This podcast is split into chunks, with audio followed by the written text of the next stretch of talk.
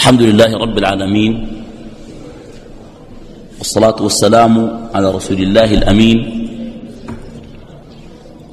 وعلى آله وأصحابه ومن اهتدى بهديه واستنى بسنته واستقام على شرعه إلى يوم الجمع والدين. منزلة مدارج السالكين لهذه الليلة هي منزلة الأدب.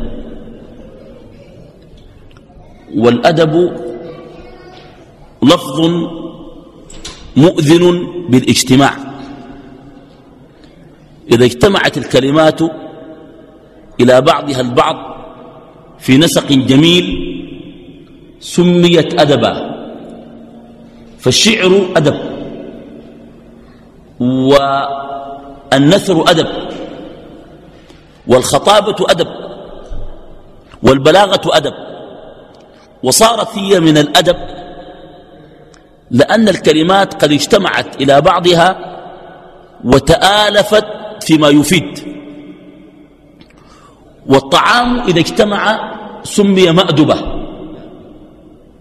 المأدبة اجتماع الطعام اجتماع خصال الخير في المرء أدبه.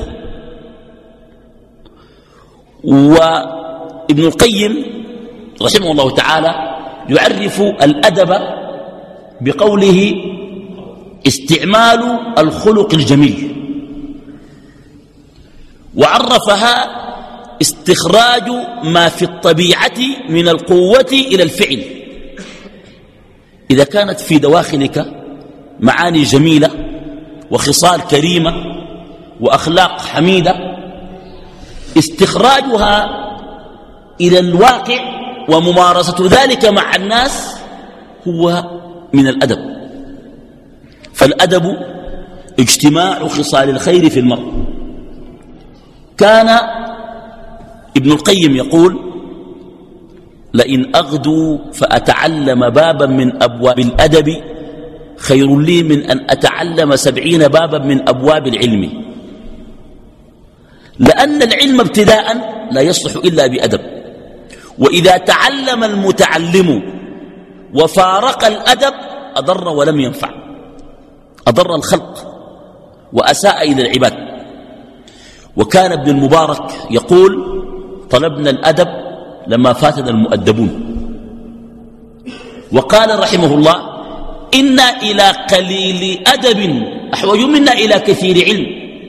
لأنه رأى بعض الناس تعلم لكن لسانه لم يعف. عن ذكر الناس. وأخلاقه لم تسلم من التطاول على خلق الله. فقال ابن المبارك رحمه الله إنا إلى قليل أدب أحوج منا إلى كثير علم. والسلف كانوا يعدون الأدب بهذا المعنى اجتماع خصال الخير في العبد واجتماع الأخلاق الفاضلة واستعمال الخلق النبيل في التعامل مع الخلق عد السلف هذا من الدين ومن صميم الدين. بل الدين كله يقوم على الأدب. يقول ابن القيم اصطفاف الناس في الصلاة أدب واتباعهم للإمام وعدم مخالفته في الحركات والتقدم عليه أدب. يقول ابن القيم الدين كله أدب. ستر العورة أدب. ستر العورة من الأدب. خفض الصوت في الكلام مع الناس أدب. قال ابن القيم ومن الأدب الأدب مع كلام الله. ومن الأدب مع كلام الله وهذا من التحليل العميق. قال نهي المصلي أن يقرأ القرآن راكعا وساجدا. قال وسبب ذلك التأدب مع كلام الله لأن حالة السجود حالة انخفاض والقرآن لا يليق به إلا العلو. فلذلك تقرأ القرآن وأنت قائم. فإذا سجدت لا تقرأ القرآن. أنت قد ذللت ولكن كلام الله لا ينبغي أن يذل. فلذلك يرى العلامة ابن القيم رحمه الله أن الدين كله يقوم على هذا الأدب. ابن القيم يقول أساس الأدب علم إصلاح اللسان. يا إخوان أساس الأدب أصلا في المنطق. الأدب في المنطق. يعني أنت تعرف الشخص مؤدب أو غير مؤدب من خلال لفظه. في تلقاه ساكت زمن ما بيتكلم ما بتقدر تقيمه. تقوم ما تقول زود ده فاهم ولا ما فاهم مؤدب ولا ما مؤدب. إذا نطق من خلال مواقع لفظه هو يدلك على جوهره. حتى الجاهلية زهير بن أبي سلمى يقول لسان الفتى نصف ونصف فؤاده ولم يبق إلا صورة اللحم والدم. فاللفظ يدل على صاحبه. وقالوا في شخص صامت. والصامت مثار إعجاب الناس. اللي هو بيسموه بالدارجية تقيل. ما بيتكلم تلقاه صامت. ده أنت بتثق فيه. ففي واحد صامت زمن. يوم النظم نظم نظم مشاتل يوم الفتح خشبه ده. قال كلام ما في محله. فقالت العرب صمت ظهرا ونطق كفرا. قال لي أخير تكون ساكت. أخير زمان. فبالتالي علم إصلاح اللسان علم إصلاح اللسان والخطاب. وإصابة مواقعه وتحسين ألفاظه. وصيانة هذا من الخطأ والخلل. ولذلك هذا من الأدب بالمناسبة هو جزء من الأدب. يقول ابن القيم رحمه الله تعالى والأدب على ثلاثة أنواع. وإلى هذه اللحظة لم نتحدث عن الهرم ولا عن كلامه. هو كلام ابن القيم كمقدمة لمنزلة الأدب وأهميته. بعض الناس يتعلم ولكن من فوائد العلم أن يهذب العلم السلوك واللفظ. فإذا لم يهذب العلم لا السلوك ولا اللفظ دل على أن هذا لم يستفد من علمه شيئا. وهذا بتلقاه مكتوب في اللوري بتاع الرملة والقلاب بتاع التراب. ما كل القاري متعلم. لاقتك ولا ما لاقتك؟ ما كل القاري متعلم. وتلقاه برضه مكتوبة القلم مبزي البلم أشنو؟ أيوة. الأدب فضل على العلم وقدم عليه. وبالتالي من أساء الأدب لا يمكن أن ينسب إلى العلم أبدا لأن أساس العلم الأدب. بل قال السلف في التربية وفي التقويم وفي التزكية قالوا اجعل علمك أو اجعل علمك ملحا وأدبك طعاما. العلم يكون شنو؟ ملح. معناه شنو؟ بسيط. ويكون الأدب هو شنو؟ والطعام طيب لو جعلت العلم طعاما والأدب ملحا ظهر نقص الأدب على العلم وبالتالي سوف ينسب العالم إلى الجهل وإن كان عالما بسلوكه ولفظه.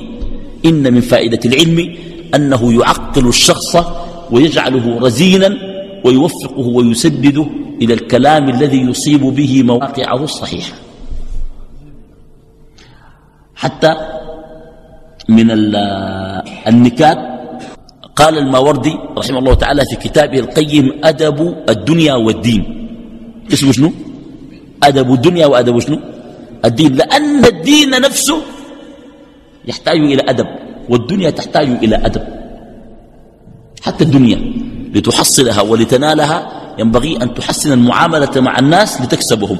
إن كنت تاجرا سيء الخلق فلن يكون لديك زبائن. صح ولا ما صح؟ فبالتالي الدنيا تحتاج إلى أدب والدين يحتاج شنو؟ إلى أدب بل الدين كله يقوم على الأدب والأدب أساس الدين كما سوف نعرف. الوضوء أدب بالمناسبة. مع الله. ستر العورة أدب. إكرام الضيف أدب. التعامل مع الناس أدب. كل شيء الصلاة.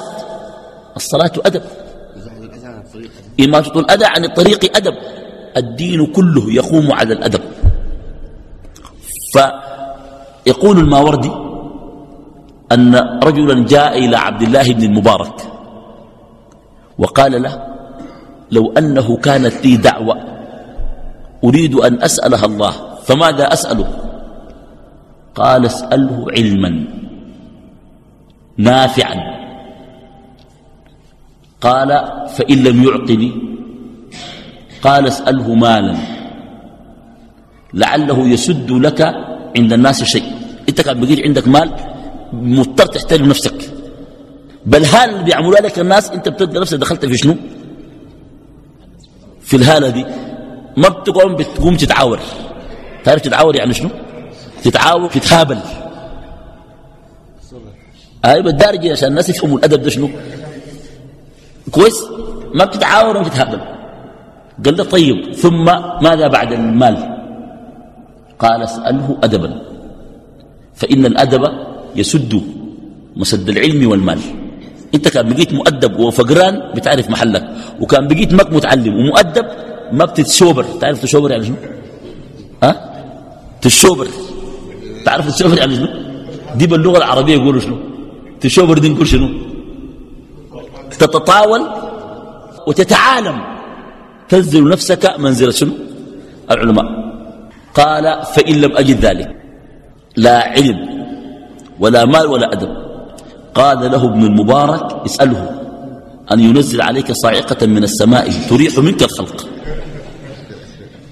قال لي طيب كم مداني دين قال لي بعد أقول لي يا الله نزل صاعقة من السماء ريح من الناس. يسأله صاعقة من السماء تريح منك الخلق. لأن يا أخوانا زول لا عنده مال لا عنده علم عنده أدب. ده كان قاعد بضر ولا بضر والله بضر مضرة شديدة. أيوة. فبالتالي يعني هذا معناه معناه أن الإنسان كلما كان مفيدا كلما كان مؤدبا كلما كان شنو؟ كلما كان مفيدا. لذلك قال إذا ما مات ذو علم وتقوى. وعلم بتقوى. فقد ثلمت نقصت من الإسلام ثلمة. وموت الحاكم العدل المولى. بحكم الأرض منقصة ونقمة. وموت فتى كثير الجود محل فإن بقاءه خصب ونعم ونعمة. وموت الفارس الضرغام هدر. فكم شهدت له بالنصر عزمة. وموت العابد القوام ليلا يناجي ربه في كل ظلمة. فحسبك خمسة يبكى عليهم وباقي الناس تخفيف ورحمة. وباقي الناس هم همج رعاع وفي إيجادهم لله حكمة. يعني انت كان ما بقيت من الخمسة ديل؟ معناه انت شنو؟ همج رعاع. ربنا جابك عنده حكمة. بتخش في التعداد السكاني ما عندك عوجة. بيعدوك ما بينسوك. بتخش في التعداد السكاني والحاجات الزي طيب. قال ابن القيم والأدب ثلاثة أنواع. أدب مع الله وأدب مع رسول الله صلى الله عليه وسلم وأدب مع خلق الله. الأدب مع الله السلام أخي.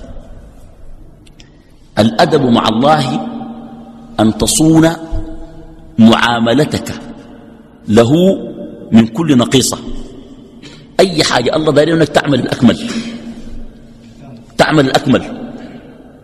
قال لك الشيء ده مستحب تعمل.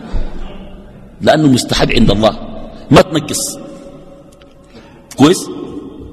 تعمل شنو؟ الأكمل دائما. موسى عليه السلام قال للعبد الصالح ذلك بيني وبينك أيما الأجلين قضيت فلا عدوان علي. وكان ذلك إما إني أريد أن أنكحك إحدى ابنتي هاتين على أن تأجرني ثماني حجج. فإن أتممت عشرا. سأل يهودي ابن عباس قال أي الأجلين أتم موسى؟ قال العشر. قال وأين هي؟ قال إن الأنبياء يفعلون الأكمل والأطيب والأتم. فعل موسى العشرة قال له يا ثمانية عشرة عمل العشرة أن, أن تصون معاملتك لله من كل نقيصة وأن تصون قلبك من الالتفات إلى غيره فإن الالتفات القلب إلى غير الله سوء أدب معه. وأن تصون الإرادة أن تتعلق بما يمقته سبحانه. إياك أن تتعلق بشيء ربك يمقته هذا الشيء بالمحرمات. وإياك أن أن يلتفت قلبك إلى غيره الالتفات إلى غير الله ضرب من ضروب سوء الأدب. ضرب ابن القيم مثلا ولكن ليس في منزلة الأدب في منزلة من منازل. إياك نعبد وإياك نستعين وهي منزلة الإخلاص. يقول لو أن ملكا من الملوك جمع حاشيته وخدمه وجنده. كويس؟ وطباخيه وحرسه وأوقفهم أمامه. وجعل يتكلم إليهم أو حضروا معه. لو أن أحد الخدم اهتم بخادم آخر في حضرة الملك وفي حضرة السلطان ألا يمقته السلطان على هذا الفعل؟ ربما طردهما معا. يطرد العاين ولا شنو؟ المسكين العاين ولا ذاته يطرده. قال أتجد خادما يرضي خادما في وجود الملك؟ قال ولله المثل الأعلى فمن التفت قلبه إلى غير الله من الخلق الذين هم عبيد الله وانشغل بهم طرده الله عز وجل من رضاه ومن حضرته ومن عبوديته سبحانه. فبالتالي التفات القلب إلى غير الله سوء أدب. ابن القيم قال كلام لطيف نقله عن بعض السلف. سوء الأدب مع الملوك يفضي إلى القتل. انت ممكن تسيء الأدب مع يزول لكن كسيت الأدب مع الحاكم بيعملك شنو؟ بيكون طوالي. أيوة. في سيف السلطان رهق. رهق يعني شنو؟ يعني سرعة يعني. ممكن يكون طيب بسرعة ولذلك سوء الأدب مع ملك الملوك موجب لمقته سبحانه وتعالى ولغضبه. طيب قال الحسن البصري سئل عن أنفع الأدب. قال له أي أنفع أدب شنو؟ قال التفقه في الدين. والزهد في الدنيا. والمعرفة بما لله عليك. الأدب ذاته ما درجات أعلاه التفقه في الدين. ده أدب. والزهد في الدنيا أدب. ومعرفة ما لله عليك. شوفوا يا إخوان الأدب يقوم على الحقوق. لما نجي نعرف في الأدب مع الخلق يقول ابن القيم في الأدب مع الخلق هو أن تنزل كل صاحب منزلة منزلته. ده الأدب مع الخلق. وأن تعرف الحقوق. فأدبك مع والدك ليس كأدبك مع إخوانك وأشقائك. وأدبك مع القريب ليس كأدبك مع الغريب. واحد معك طوالي قريب منك. وفي واحد لأول مرة تلاقيه بتهزر معه طوالي ده؟ كان هزرت معه بيتخلع بيقول الزول ده مجنون ولا شنو؟ ما لك يقول لي فيش زول لكن زول معاك طوالي بتهزر معه. أدبك مع الضيف يختلف عن أدبك مع من يتردد عليك كثيرا بل ليس ضيفا. أدبك مع الصغير ليس كأدبك مع الكبير.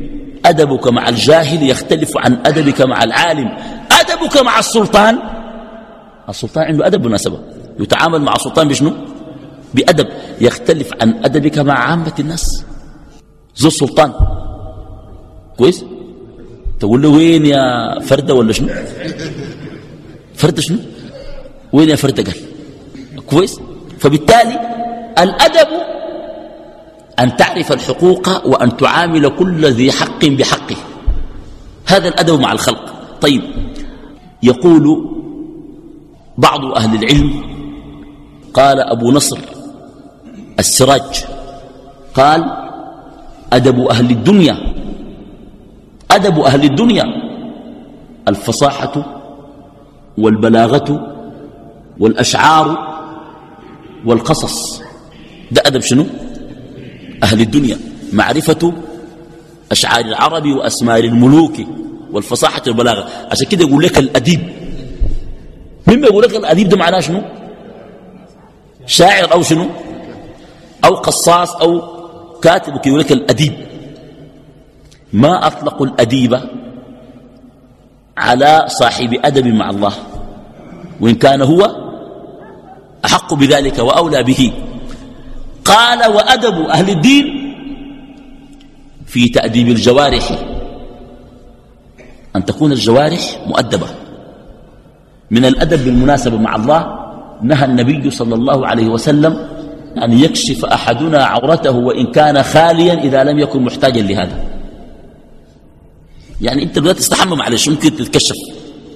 عند جماع الزوجة بجوز لأنه قد لا يتم إلا بالتكشف. لكن بعد ده في زول ما عنده أي حاجة. وتلقى شنو؟ يتكشف ويتعرى. هذا خلاف الأدب بالمناسبة ولذلك يقول ابن القيم أساس الأدب مع الله أدب الباطن والسر. كلما كان العبد أحفظ لأدبه مع ربه في السر كلما كان موفقا في حفظ الأدب في الظاهر.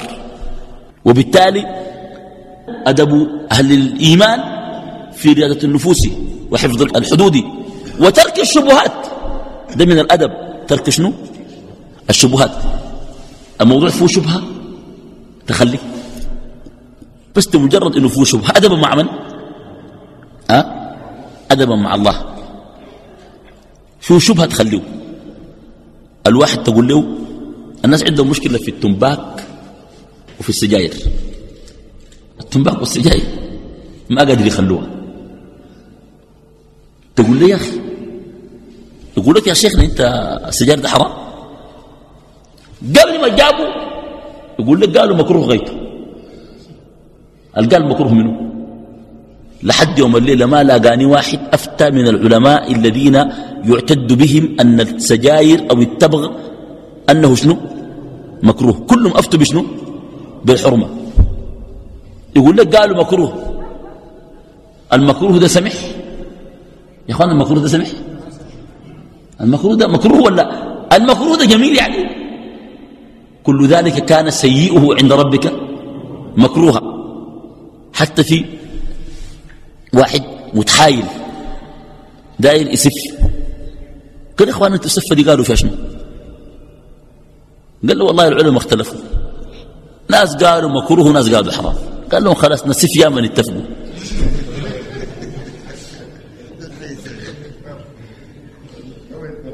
كويس يا أخي حرام. لا ضرر ولا ضرر. فبالتالي تركوا الشبهات. قال وأما أدب أهل الخصوص في أدب أعلى من ذاته من ترك الشبهات في أدب أعلى منه. أدب أهل الخصوص حفظ الخواطر وطهارة القلب وحفظ الوقت في تضييعه في غير ما يرضي الله وحسن الأدب بطلب مقامات القرب من الله. أهل الدين أدب يحفظ الحدود ويتقوا شنو؟ الشبهات ويؤدب الجوارح ويريض النفس في طاعة الله. أدب أهل الخصوص في أهل الدين هم الذين حفظوا حفظوا الخواطر من أن تلتفت إلى غير الله وركزوا على طهارة القلب وحفظ الوقت مع الله. وطلبوا مقامات القرب من الله كحسن أدب. فإن حسن الأدب مع الله هو في الوفاء بعهدك مع الله وطلب قربك من الله سبحانه وتعالى. طيب. قال ابن القيم في فصل بديع لطيف يتحدث عن الأدب وأن الأدب أساسه حسن اللفظ. حسن اللفظ. يا أخوانا الكلام اللي بيقولوا الزول والله في ناس بيقولوا كلام كلام مر. مش كده حتى يقول لك لسانه زفر. حتى لو يتسوق بالمعجون يقول لسانه شنو؟ زفر. في ولا ما في اخوانا ما بيعرف كلام كلامه كله دراب دراب. شفت كيف؟ قال اسمع هذا الكلام. قال النبي صلى الله عليه وسلم والحديث في السلسلة الصحيحة إن لله ملائكة تنطق على ألسنة بني آدم بما في نفس المرء من الخير والشر. يعني واحد تلقاه يقول كلام وتاني يقول لك والله أنا ما أعرف قلت الكلام ده كيف. طلعوا منك ربنا ومرقوا منك ربنا. بالملائكة دي. يعني عشان كده أخواننا الزول يراعي للفظه جدا. فكلما عف اللسان كلما كنت قريبا من الأدب من الأدب الججد فابن القيم يقول تأمل أحوال الرسل. عليهم الصلاة والسلام. تأمل أحوالهم مع الله خطابهم وسؤالهم تجدها كلها مشحونة بالأدب طيب شوف إبراهيم عليه السلام. قال وإذا مرضت فهو يشفين. هذا من أدب الخليل مع الله جل وعلا. وإذا مرضت ولم يقل وإذا أمرضني فهو يشفين. نسب المرض إلى نفسه والشفاء إلى ربه تأدبا بالرغم من أن كل شيء من؟ من الله وبقدره سبحانه. لكنه لما أراد أن يخاطب أبى أن ينسب إلى الله ما يظن أن فيه نقص. فنسب النقص إلى نفسه والكمال إلى ربه قال وإذا مرضت فهو يشفيني بالله أدب ولا ما أدب؟ والله أدب عالي. ومن ذلك قول النبي صلى الله عليه وسلم الخير بيديك والشر ليس إليك. أدب شديد. حتى في اللفظ. في لفظك. بعض الناس يقول الخاين الله يخونه. في ولا ما في؟ هذا سوء أدب مع الله. إن الله لا يخون. لأن الخيانة خدعة في مقام الائتمان. الخيانة زول مؤتمنك وتقوم تخون. ودي الخيانة خدعة في مقام شنو؟ الائتمان. يمكن أن نصف الله بالمكر لكن ليس على إطلاقه مقيدا بمن كان ماكرا. وهنا المكر صفة كمال لله لأنها أخذ بالقوة لمن, لمن مكر. وقد يكون مكر الله خير للممكور به يرجعه إلى الله ويجعله يتوب. ويمكرون ويمكر الله.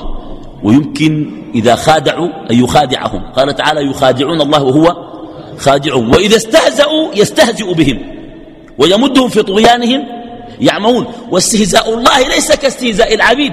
استهزاء الله أن يمدهم في طغيانهم يعمهون. وإذا كادوا كاد بهم.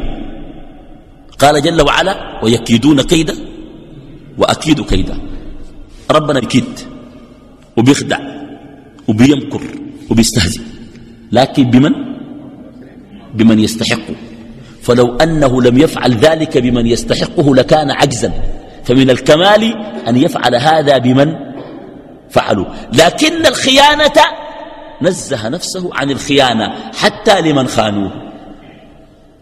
البخون الله الله يخونه قال جل وعلا يريدوا خيانتك. فقد خانوا الله من قبل. ما قال فخانهم؟ قال شنو؟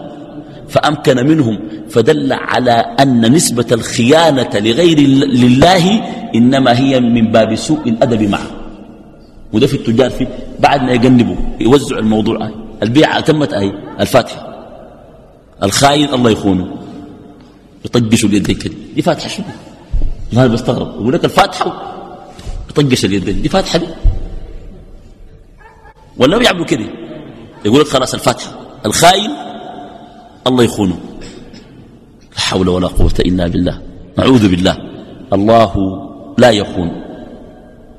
الله لا يخون. ولكن الخاين الله يمكر به يتمكن منه يورينا فيه. معلش لكن ما يقول الخاين شنو؟ الله يخونه. وهذا مما يقوله الناس جهلا ولكن ينبغي أن ينزه اللفظ عن مثل هذا الكلام القبيح. تأدبا مع الله سبحانه وتعالى. ومن ذلك أدب الخضر عليه السلام. الخضر مؤدب جدا. قال لموسى عليه السلام الخير نسبه إلى الله سبحانه وتعالى. قال فأراد ربك أن يبلغا أشدهما ويستخرجا كنزهما. في العيب قال فأردت أن أعيبها. حتى لا يقول فأراد ربك أن يعيبها.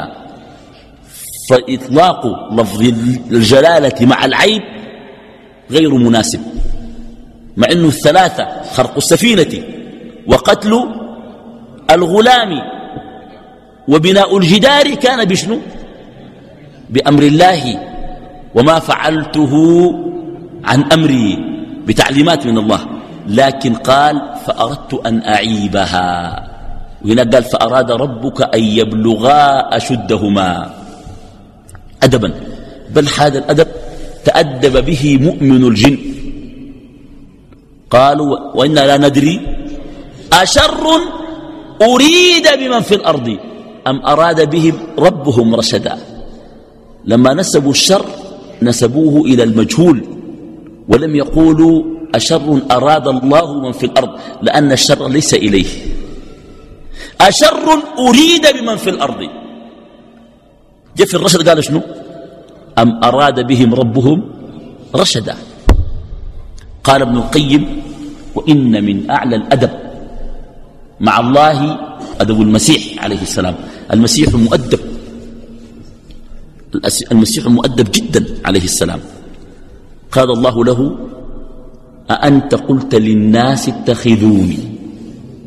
وأمي إلهين من دون الله. ما قال ما قلت؟ الزول اللي طول نقطة قال ما قلت؟ دي فيه جرأة. قال سبحانك. أول حاجة نزهه عن القول الذي قيل. ما دخل في الموضوع طوالي.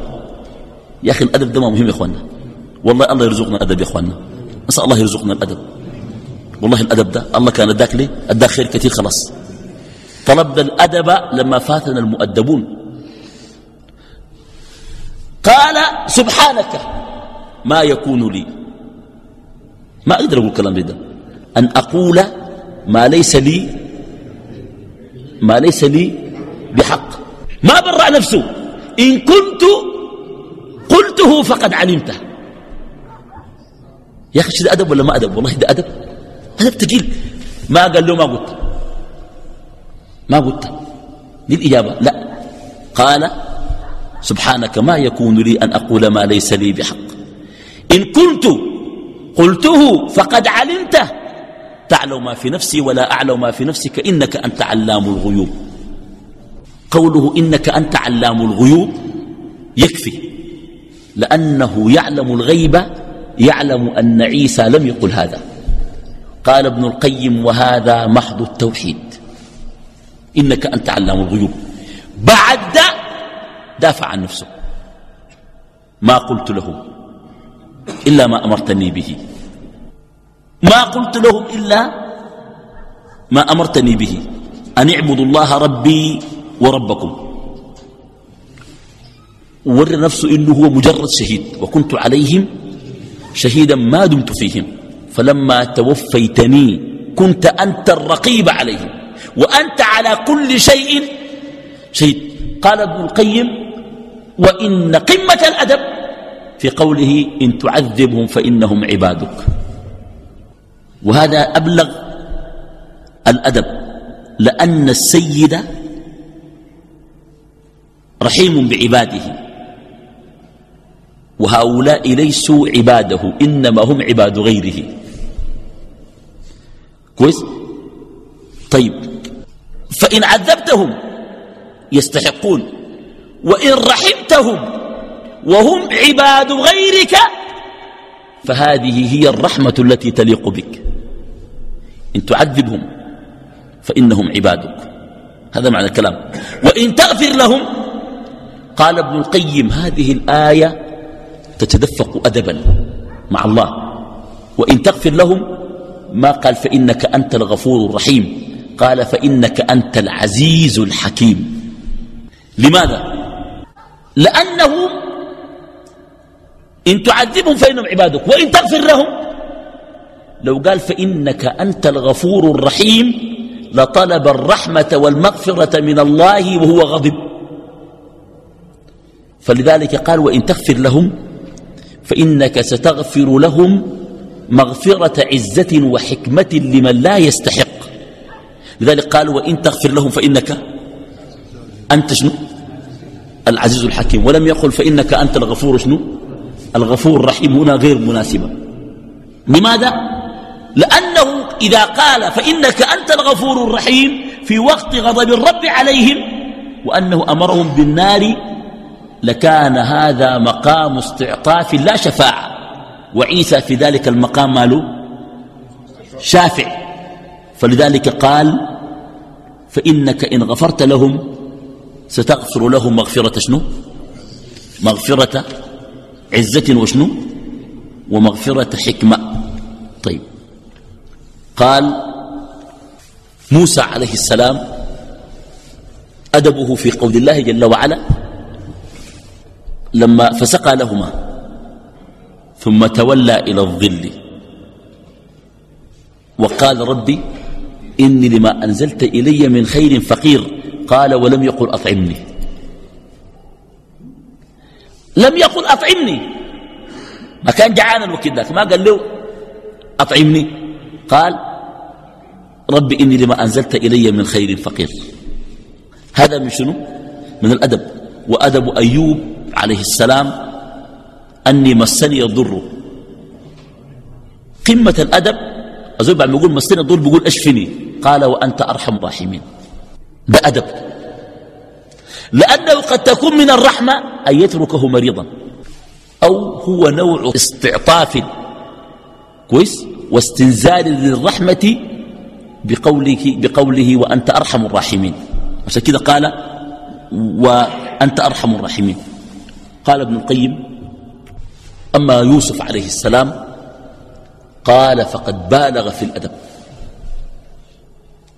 وخاصة مع إخوته وأزيد كلام لم يقله ابن القيم أن من أدب يوسف عليه السلام مع ربه أنه عند الملك وعند السلطان أدبه مع الله جعله لا يظهر شيء من مقدراته ولا من مواهبه.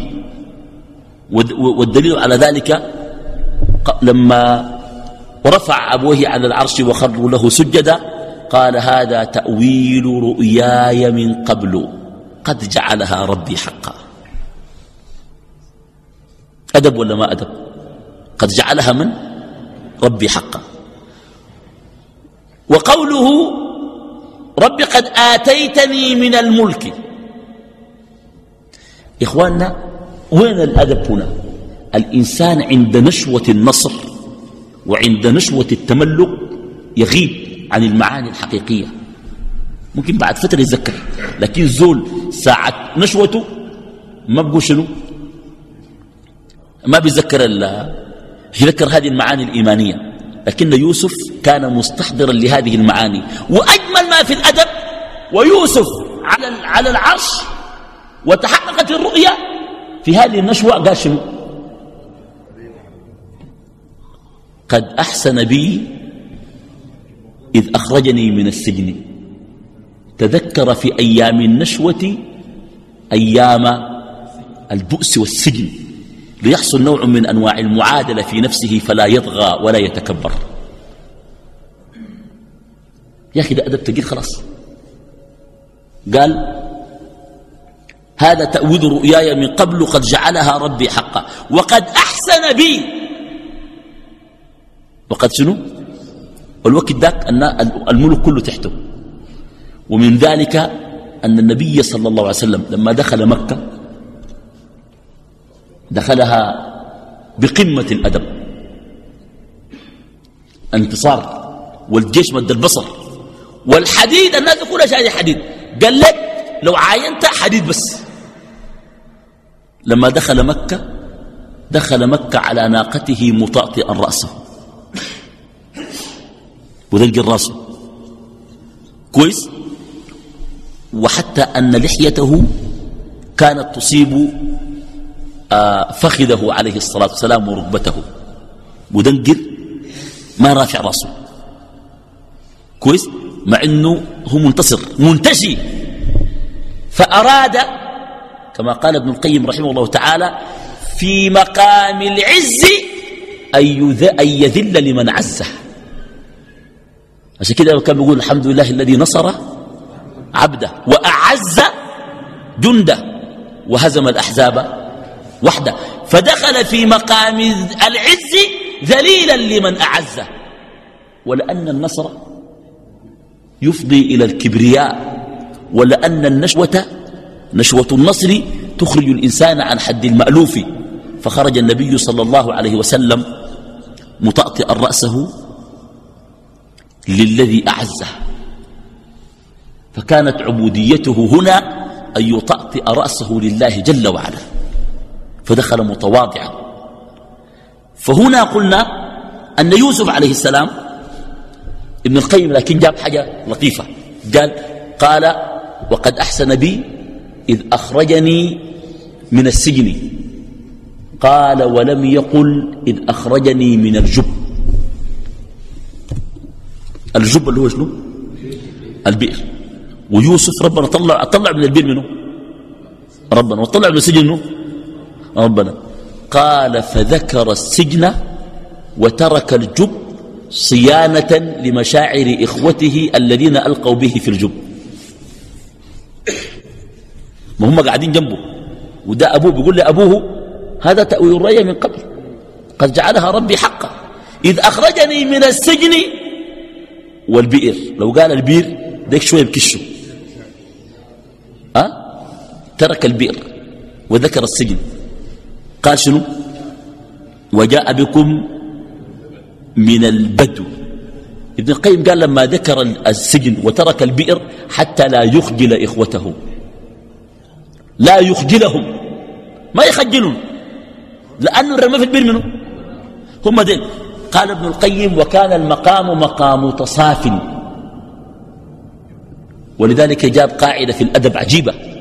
ابن القيم عنده قاعدة في الأدب لطيفة جدا. يقول رحمه الله ذكر الجفا في وقت الصفا جفا. ذكر الجفا. في وقت الصفا شنو؟ هما في وقت جفا. لو جاب سيرة البير كانوا الناس دي خيوا خجل. خلى البير مرة واحدة. قال لهم وجاء بكم من البدو ولم يقل رفع عنكم البلاء والجوع والجهد.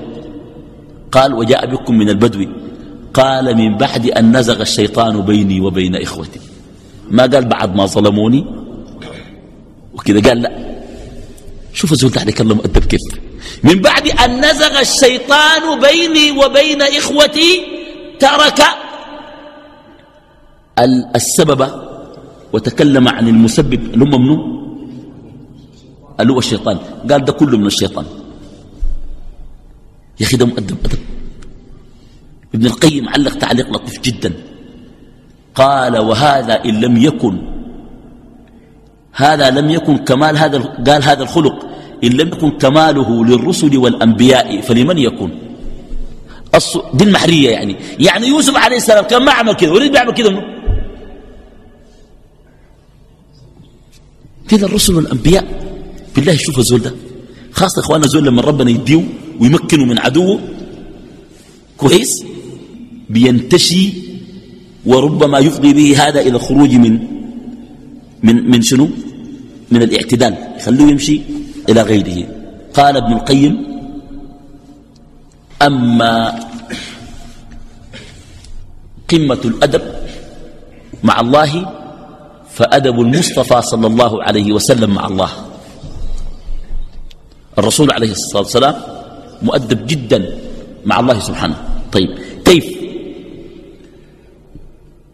قال والله ده استدلال عجيب. أبو, أبو القاسم القشيري رحمه الله من علماء السلوك زي ابن القيم الهروي حتى عنده حاجة اسمها الرسالة القشيرية. اسمها شنو؟ الرسالة شنو؟ بيتكلم عن الحاجات دي. لما تكلم القشيري عن الأدب صدر آية الأدب بقول الله جل وعلا ما زاغ البصر وما طغى. ما زاغ البصر وما طغى. طيب ده, ده, ده حسا علاقته شنو؟ علاقته بالأدب شنو يا أخواننا؟ ما, ما زاغ البصر وشنو وما طغى. شوف الأدب ده وين؟ نعم. هو نعم. ما زاغ البصر وما طغى. أي واحدة عندها معنى؟ طيب. أين أين ما زاغ البصر وما طغى؟ عند سدرة المنتهى التي عندها جنة المأوى وضع النبي صلى الله عليه وسلم في ذلك المكان. لا شك أن هذا المكان غير مألوف بالنسبة له وقد جاء من صحراء معطياتها المادية قليلة. وضع في ذلك المكان بكل جلاله وبكل بهائه فكان يقف مطأطئ الرأس. بالرغم من أن طبيعة الناس تقتضي أن من أدخل مكانا لم يره لأول مرة أكثر التلفت. أيوة بيندهش حسن واحد كان القصر الجمهوري. قول القصر الجمهوري. كان دخلوك القصر الجمهوري بيتلفت. كويس؟ بتقول ده شو ده؟ شت ده شو كويس؟ كان مشيت دبي. من المطار. طبعا في المطار ما زي مطارنا هنا. تقول ده ده. سلم كهربائي ماشي فوق. ده شو ده. كويس؟ في مطارات ال... الناس بيتحركوا من كتله المطار بعربات بتاعت هناك. العربات الكهرباء دي. عربات صغيرة. تركب العربية تحولك من هنا لهنا تنقلك. انت تقول تشفت في مقام سدرة المنتهى كان النبي صلى الله عليه وسلم مطأطئا رأسه. لأنه كان مهتم بما عند الله أكثر مما, مما حوله من الأشياء. وهذا يدل على جمعية قلبه على الله وعدم التفات قلبه إلى غير الله. وقد أسلفنا أن هذا مادة الأدب وأساس الأدب ولبه. ألا يلتفت قلبك إلى غير الله؟ فهو لم يندهش لأن قلبه مع الله. فلذلك لم يعبه بالمكان وبجلاله وبعظمته. ما زاغ البصر. وما طغى أي ما تجاوز الحد. وتجاوز الحد عادة الأنبياء والرسل والبشر جميعا. إذا وضعوا في مقام طلبوا مقاما أعلى. وضع موسى في مقام التكليم فطلب الرؤية. أما النبي عليه الصلاة والسلام وضع عند سدرة المنتهى وهو مقام أجل من مقام شنو؟ التكليم. لم يطلب شيئا. كان ساكتا. هذا معنى شنو؟ ما زاغ البصر شنو؟ وما طغى. طيب قال ابن القيم المقام الذي وضع فيه النبي عليه الصلاة والسلام مقام عالي جدا. فإنه قد أسري به من مكة إلى بيت المقدس. وركب شنو؟ ركب البراق. يعني كان النبي صلى الله عليه وسلم يركب شنو؟ البراق. قال البراق البراق يضع حافره عند منتهى شنو؟ بصره. يعني بعايل كده. آخر محلة. بتجيب فيها البصر بتاعه شنو؟ بخط الحافر الأول. قال وكان البراق مشاكلا لحال راكبه. الراكب منه قال فإذا كان البراق يضع حافره عند منتهى قدمه فإن النبي صلى الله عليه وسلم طرفه مع بعد شأوه الذي سبق العالم جميعا في سيره. فلذلك موضع بصر النبي لا يتخلف عن موضع معرفته بربه سبحانه. ولكمال معرفته بربه حفظ طرفه فما زاغ وما أكثر التلفت.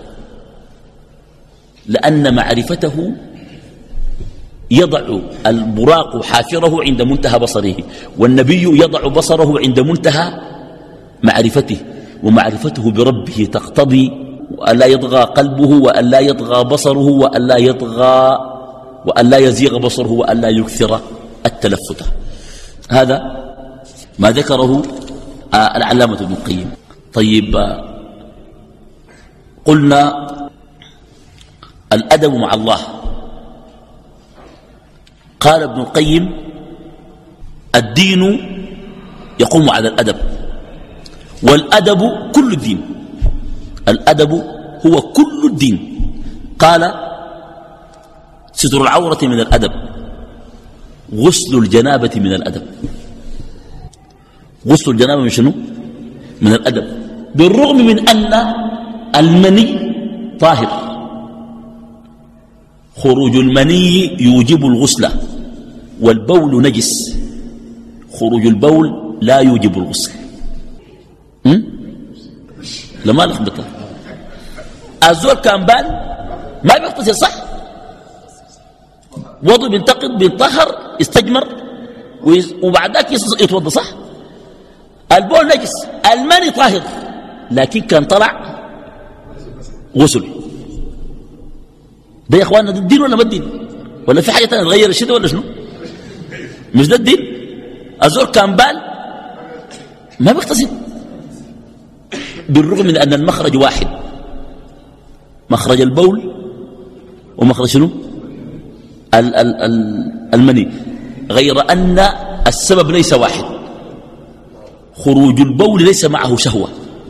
لكن خروج المني معه شنو؟ شهوة. والمني متخلق من جميع ذرات البدن. لذلك ناسب أن يغسل البدن كله. طالع من أي حاجة. والدل على طالع من أي حاجة بتلقى أن الجنين المتخلق من مني أبيه يشابه من؟ أباه إلى حد شنو؟ كبير حتى ممكن تلقى في الصباع بيشبهه. عرفت؟ فبالتالي غسل الجنابة من الأدب. التطهر من الخبث وثيابك فطهر. هذا من الأدب. قال ومن ذلك أيضا حسن الوقوف بين يدي الله والزينة. يعني الواحد يقولنا لما يجيب بين يدي الله يجي واقف لابس شنو؟ لابس كويس. أيوة. قوله تعالى خذوا زينتكم عند كل مسجد. زول تقيف قيافة شيء ده خلاص. الذهبي في سير على النبلاء قال عمرو بن الأسود السكوني كانت له حلة اشتراها بألف درهم. ولم يلبسها يوما من الدهر للناس. حتى كان مستغرب يقول بس لا نشوف حلة الزول ده فإذا به يلبسها في قيام الليل فقط. حلة لقيام الليل. كان عمرو بن الأسود السكوني إذا قام الليل تطيب ورجل لحيته يسرح ولبس الحلة وأصاب من المسك ثم وقف بين يدي الله يصلي. تقول ماشي وين؟ مشوار مهم. إحنا الواحد الصلاة بيجيب العراقي والعقد بالشال بعد ما يلبس شنو؟ أه؟ يلبس عم يلبس العمة ويكرمه ويلبس شنو؟ الشال والعصاية. أي. ثم قال قال ابن القيم وإن من الأدب الصلاة أدب والدليل على ذلك أن المصلي يقف وقد أطرق بصره إلى موضع سجوده. قال لأن هذا كمال الأدب في الوقوف بين يدي الله. يا أخي خشيت محكمة أنت بتكون محترم في المحكمة دي. صح؟ صح؟ فكيف بملك الملوك وعلام الغيوب؟ من الأدب في الصلاة كما قال ابن القيم رحمه الله تعالى من أدب الصلاة أيضا قال وضع اليد اليمنى على اليسرى. هذا من الأدب. لما تصلي من الصلاة خذ شنو؟ يدك اليمين على شنو؟ كما كان يفعل الأنبياء والرسل. في واحد بيجي في الصلاة مدلدل يدك دي أنت زول ماشي وين؟ في شنو؟ ما تمسك يدك دي. يدلدل يدك دي بس. تقول حردان ولا زهجان ولا زعلان. يا أخي أنت خذ إيدك كده دي في ادب في أدب شديد خلاص. يا إخواني في أدب ولا ما في أدب؟ والله في أدب. لذلك قال السلف وضع اليد على اليمنى زينة الصلاة. لا لكن مالك الإمام مالك رحمه الله في القبض والسد عنده ثلاثة روايات. روي عن الإمام مالك كم؟ ثلاث روايات. رواية تقول أن مالك ودي الراجحة يقول بالقبض في النفل والفرض ورواية ثانية تقول أن مالك يقول بالقبض في الفرض أو في النفل ولا يقول بالثاني. يعني واحد يفهم بيقبض والثاني شنو؟